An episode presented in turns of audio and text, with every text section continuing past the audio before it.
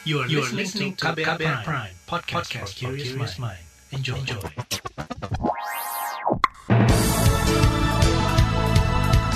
Selamat pagi saudara, senang sekali kami bisa menjumpai Anda kembali melalui program Buletin Pagi edisi Rabu 6 Oktober 2021. Bersama saya, Naomi Liandra. Sejumlah informasi pilihan telah kami siapkan di antaranya, jadi percontohan kenormalan baru, warga Blitar diminta tak terlena. Presiden setujui amnesti untuk Saiful Mahdi. Nelayan Cirebon tolak PNBP sektor kelautan dan perikanan. Inilah Buletin Pagi selengkapnya terbaru di Buletin Pagi. Pemerintah pusat memutuskan kota Blitar di Jawa Timur menjadi wilayah percobaan kenormalan baru atau new normal di level 1 pemberlakuan pembatasan kegiatan masyarakat atau PPKM. Wali Kota Blitar Santoso mengaku akan mengikuti aturan yang dikeluarkan Kementerian Dalam Negeri Kemendagri terkait ihwal kegiatan yang dapat dilakukan pada kondisi PPKM level 1. Santoso juga mengingatkan masyarakat di kota itu tidak terlena dengan status level 1 dan tetap disiplin menjalankan protokol kesehatan. Tapi kita berharap ini janganlah menjadi euforia dari masyarakat, kemudian terlena dengan kondisi uh, prokes, ini masih harus tetap bahkan di samping itu juga kita terapkan peduli lindungi. Wali Kota Blitar Santoso berharap penetapan Kota Blitar sebagai daerah percontohan menuju kenormalan baru bisa menjadi momentum pemulihan ekonomi masyarakat. Apalagi dengan status PPKM level 1 akan memicu pemulihan ekonomi lantaran ada sejumlah pelonggaran mobilitas dan kegiatan masyarakat. Senin kemarin, pemerintah menyatakan akan menguji coba penerapan PPKM level 1 atau menjelang kenormalan baru di Kota Blitar, Jawa Timur. Koordinator PPKM Jawa Bali Luhut Binsar Panjaitan mengatakan penerapan PPKM level 1 di Blitar akan mendekati kehidupan masyarakat yang normal. Implementasi uji coba PPKM level 1 diberlakukan karena telah memenuhi syarat indikator WHO dan target cakupan vaksinasi dosis 1 sebesar 70 persen dan dosis 1 lansia sebesar 60 persen. Penerapan PPKM level 1 akan mendekati aktivitas kehidupan masyarakat yang normal untuk mengimbangi tersebut, tindakan surveillance, testing, tracing, dan peningkatan disiplin protokol kesehatan. Luhut Binsar Panjaitan yang juga Menteri Koordinator Bidang Maritim dan Investasi Menko Marves menambahkan, pemerintah juga telah membentuk gugus tugas untuk memantau penerapan PPKM level 1. Gugus tugas itu sendiri dari sejumlah pakar dan ahli yang akan tinggal di Blitar dan memonitor aktivitas di sana. Sementara itu, Satuan Tugas Percepatan Penanganan COVID-19 meminta kabupaten atau kota yang bertetangga dengan kota Blitar meningkatkan cakupan vaksinasi COVID-19. Kepala Bidang Penanganan Kesehatan Satgas COVID-19 Alexander Kaliaga Ginting meminta agar status level 1 di Blitar terus dipertahankan tapi kita juga harus bisa melihat bagaimana cakupan vaksinasi di, di tetangganya. Karena Blitar itu tidak menjadi kota tersendiri. Hmm. Dia ada di sekitar kabupaten kota yang juga berbarengan dengan kabupaten kota yang berbeda karakter juga. Hmm. Dan termasuk juga dekat dengan beberapa aglomerasi. Kabit Penanganan Kesehatan Satgas COVID-19 Alexander Kaliaga Ginting menambahkan, wilayah PPKM level 1 juga mesti memperhatikan mobilitas masyarakat dan disiplin menjalankan protokol kesehatan. Termasuk, kata dia, koordinasi antar pemerintah dari tingkat terbawah hingga pusat penting agar kebijakan dalam penerapan PPKM level 1 dapat berjalan. Ahli epidemiologi menyarankan pemilihan daerah percontohan kenormalan baru tidak hanya mempertimbangkan cakupan vaksinasi saja, tapi juga karakteristik daerah setempat. Hal ini disampaikan epidemiolog dari Universitas Erlangga Unair Surabaya, Laura Nafila Yamani, menanggapi rencana pemerintah yang akan menguji coba penerapan kenormalan baru di Kota Blitar, Jawa Timur.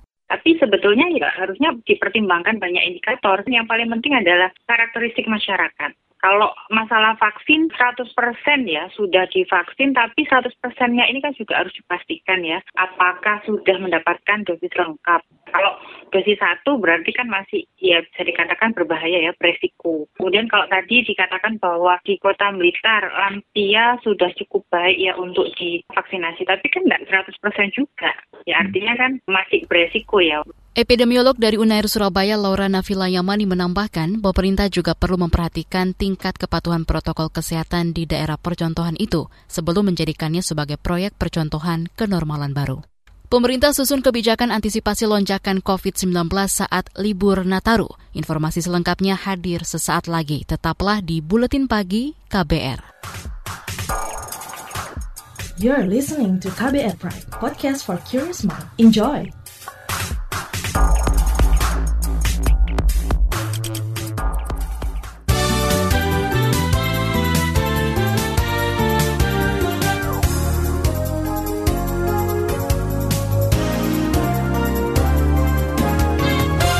Presiden Joko Widodo setuju memberikan amnesti yang diajukan dosen Universitas Syah Kuala Banda Aceh, Saiful Mahdi. Dalam rilis tertulisnya, Menteri Koordinator Bidang Politik Hukum dan Keamanan Mahfud MD mengatakan, amnesti diberikan setelah berdialog dengan sejumlah pihak, termasuk istri Saiful, pimpinan Kemenkumham dan Kejaksaan Agung. Setelah pertemuan itu, Mahfud lantas menghadap Presiden untuk menyampaikan permintaan pihak Saiful Mahdi. Presiden lantas menyetujui permintaan itu dan memberikan amnesti untuk Saiful Mahdi. Kini pemerintah menunggu proses di parlemen sebab berdasar undang-undang Presiden harus mendengarkan DPR sebelum memberikan amnesti dan abolisi. Sebelumnya, dosen Unsyah Kuala Banda Aceh Saiful Mahdi terjerat Undang-Undang Informasi dan Transaksi Elektronik ITE lantaran mengkritik proses penerimaan calon pegawai negeri sipil di kampusnya. Dia dihukum tiga bulan penjara dan denda 10 juta rupiah. Presiden Konfederasi Serikat Pekerja Indonesia KSPI Said Iqbal terpilih menjadi Presiden Partai Buruh.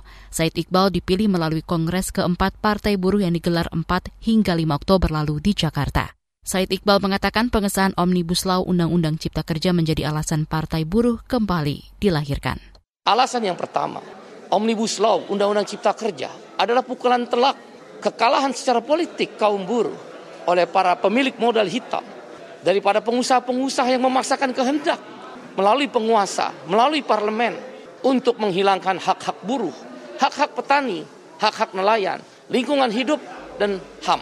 Kaum termarginalkan, para ibu, Presiden Partai Buruh Said Iqbal mengatakan partainya sudah menyusun kepengurusan di 34 provinsi, 400 kabupaten atau kota, serta di tingkat kecamatan, dengan keanggotaan partai mencapai 1.000 orang di tiap kabupaten atau kota. Said menargetkan Partai Buruh lolos ke parlemen di pemilu 2024. Kata dia, Partai Buruh masih akan meneruskan pembatalan undang-undang yang dianggap merugikan pekerja di parlemen. Menteri Ketenagakerjaan Menakar Ida Fauzia meminta pengawas ketenagakerjaan dan penguji keselamatan dan kesehatan kerja atau K3 menjadikan pandemi COVID-19 sebagai tantangan dan peluang menjalankan tugas di lapangan. Saat pertemuan nasional pengawas dan penguji K3, Ida Fauzia menyebut pandemi harus menjadi acuan bekerja lebih keras bukan hambatan dalam berkarya. Tugas-tugas pelayanan publik sebagai pengawas ketenagakerjaan dan penguji keselamatan dan kesehatan kerja tidak semestinya berhenti karena adanya pandemi COVID-19. Justru di sinilah tantangannya.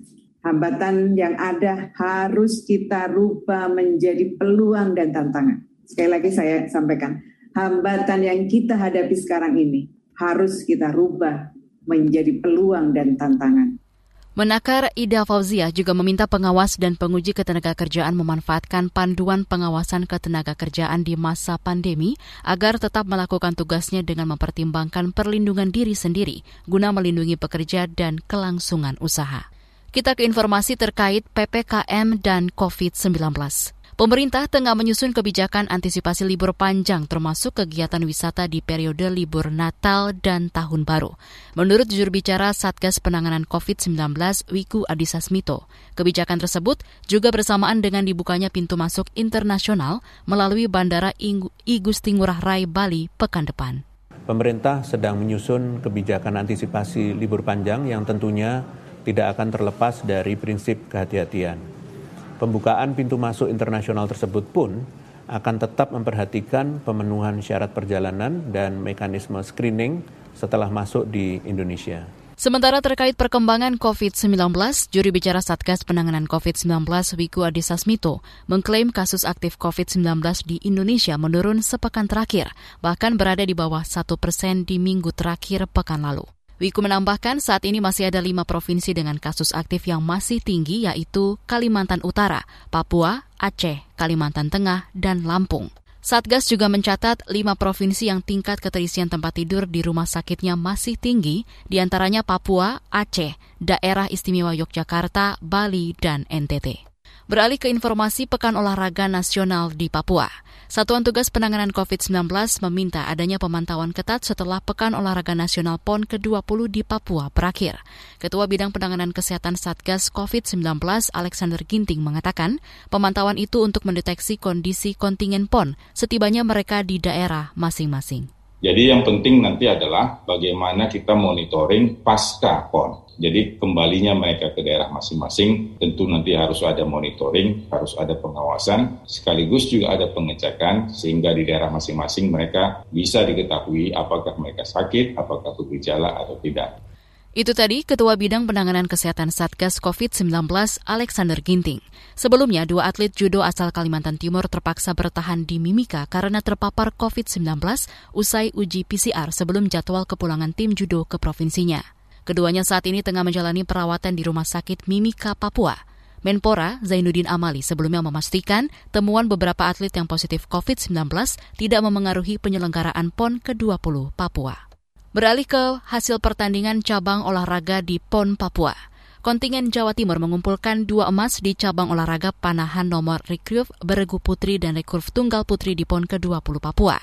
Di cabang anggar, kontingen Riau berhasil meraih dua emas dari nomor floret individu putra dan degen individu putri. Sementara di atletik, kontingen kontingen DKI Jakarta berhasil meraih emas di nomor lari 100 meter gawang putri. Dan di cabang binaraga, kontingen Aceh menambahkan emas bagi provinsi di ujung barat Indonesia itu dari kelas 85 kg plus PON ke-20 Papua. Kita ke informasi mancanegara. Perserikatan Bangsa-Bangsa mengingatkan tekanan utang di negara-negara paling rentan di dunia akan mengkhianati upaya pemulihan global dari pandemi COVID-19.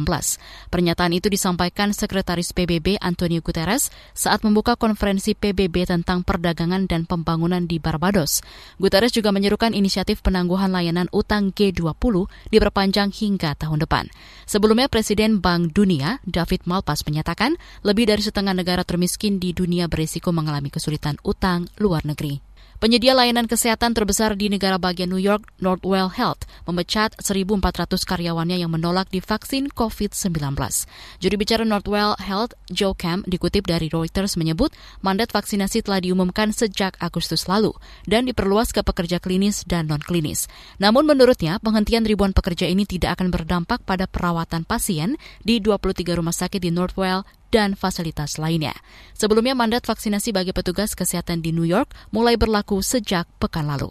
Di bagian berikutnya kami hadirkan laporan khas KBR bertajuk Wajah Alutsista di 76 tahun TNI. Nantikan sesaat lagi. You're listening to KBR Pride, podcast for curious mind. Enjoy!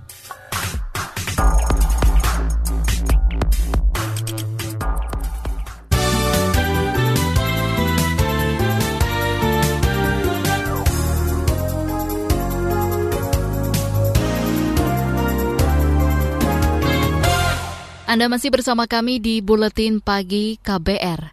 Modernisasi alat utama sistem senjata TNI menjadi fokus utama pemerintah di dalam memperkuat lini pertahanan negara.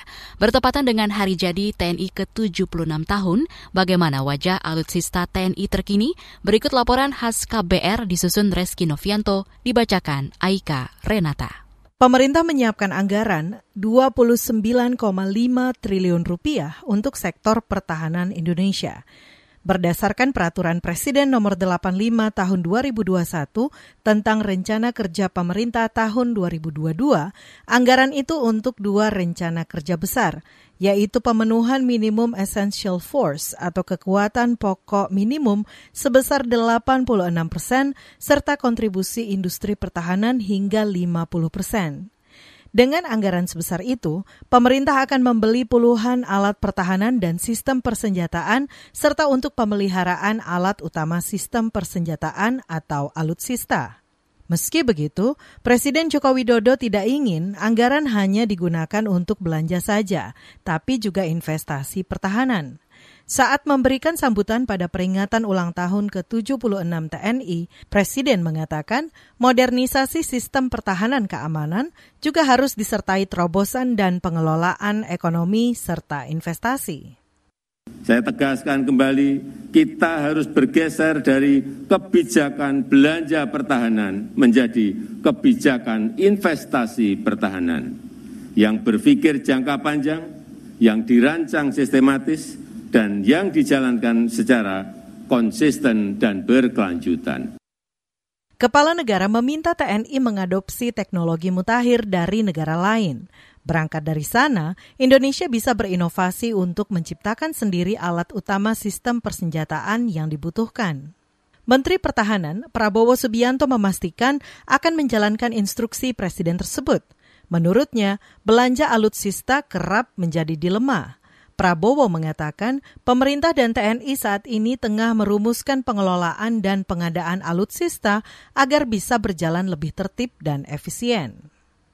Presiden telah memerintahkan saya satu tahun yang lalu untuk bersama-sama pimpinan TNI menyusun suatu master plan, rencana induk yang uh, beliau menghendaki suatu rencana induk 25 tahun yang memberi kepada kita suatu totalitas kemampuan pertahanan. Ini sedang kita rampungkan, kita sedang menyusun, kita sedang memperbaiki.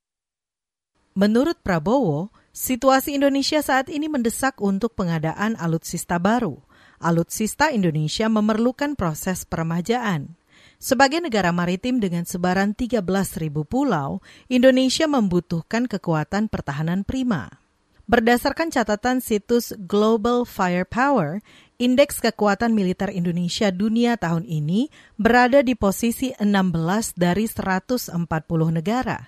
Peringkat ini masih di atas negara-negara seperti Spanyol, Australia, dan Israel. Situs Global Firepower juga memaparkan berbagai keunggulan militer Indonesia, utamanya ditopang jumlah personel tentara besar yang mencapai satu juta personel. Informasi dari berbagai daerah akan hadir usai jeda. Tetaplah bersama Buletin Pagi KBR. You're listening to KBR Pride, podcast for curious mind. Enjoy!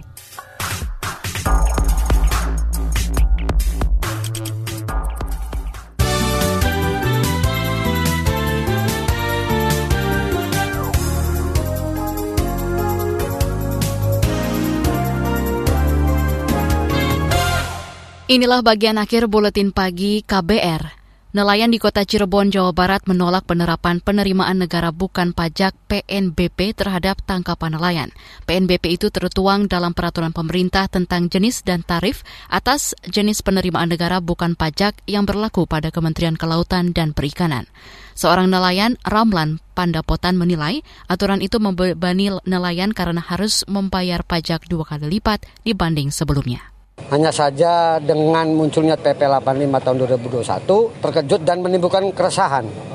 Keresahan ini bukan saja oleh nelayan kota Cirebon, melainkan ini se-Indonesia. Karena PP-nya berlaku se-Indonesia. Nasib yang sama nelayan daerah-daerah lain pun menginginkan agar PP 85 2001 untuk ditinjau kembali.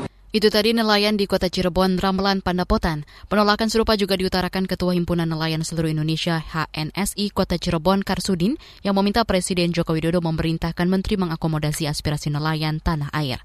HNSI mendesak agar PNBP tangkapan nelayan itu direvisi dengan memperhatikan nasib nelayan. Beralih ke Aceh, saudara, belasan rumah dan gedung sekolah di Desa Suakribe dan Gunung Kleng di Kecamatan Johan Pahlawan, Kabupaten Aceh Barat Aceh rusak diterjang angin puting beliung. Kepala Pelaksana Badan Penanggulangan Bencana Aceh BPBA Ilyas mengatakan seluruh pemilik rumah berhasil keluar menyelamatkan diri.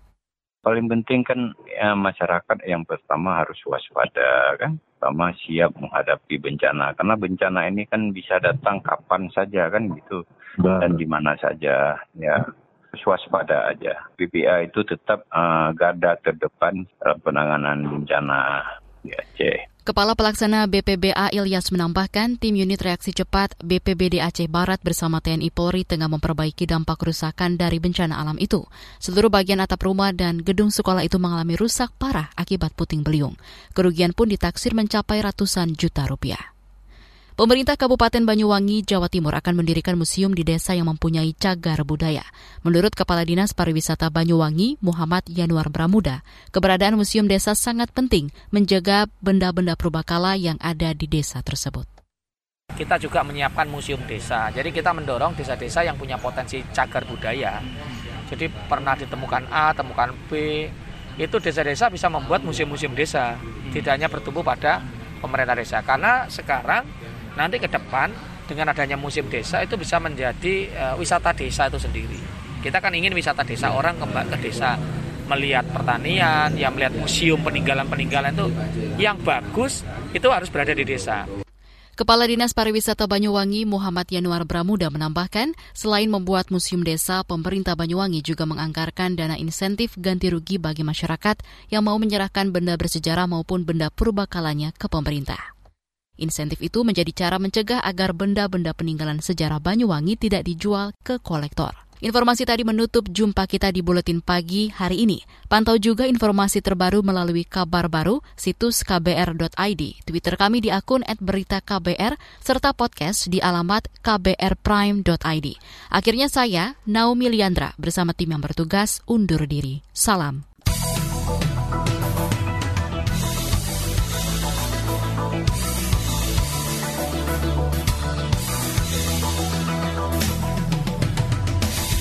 KBR Prime, cara asik mendengar berita. KBR Prime, podcast for curious mind.